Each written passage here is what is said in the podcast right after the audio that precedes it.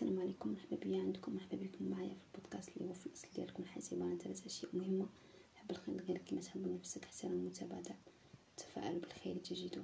التفاؤل يلعب دورا أساسيا في حياة كل فرد لأنه مجموعة من الأفكار السليمة والصحية والإيجابية.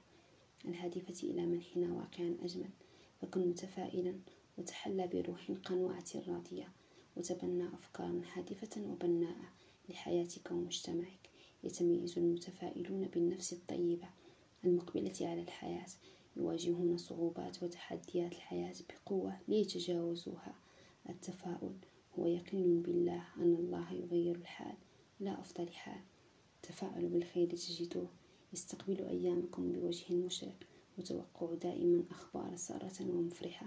وإن لم توفقوا وفشلتم في يوم من الأيام ومرحلة من مراحلكم العمرية. لكم التوفيق في أيام كثيرة. هذا هو التفاؤل وهؤلاء هم المتفائلون. كونوا بخير.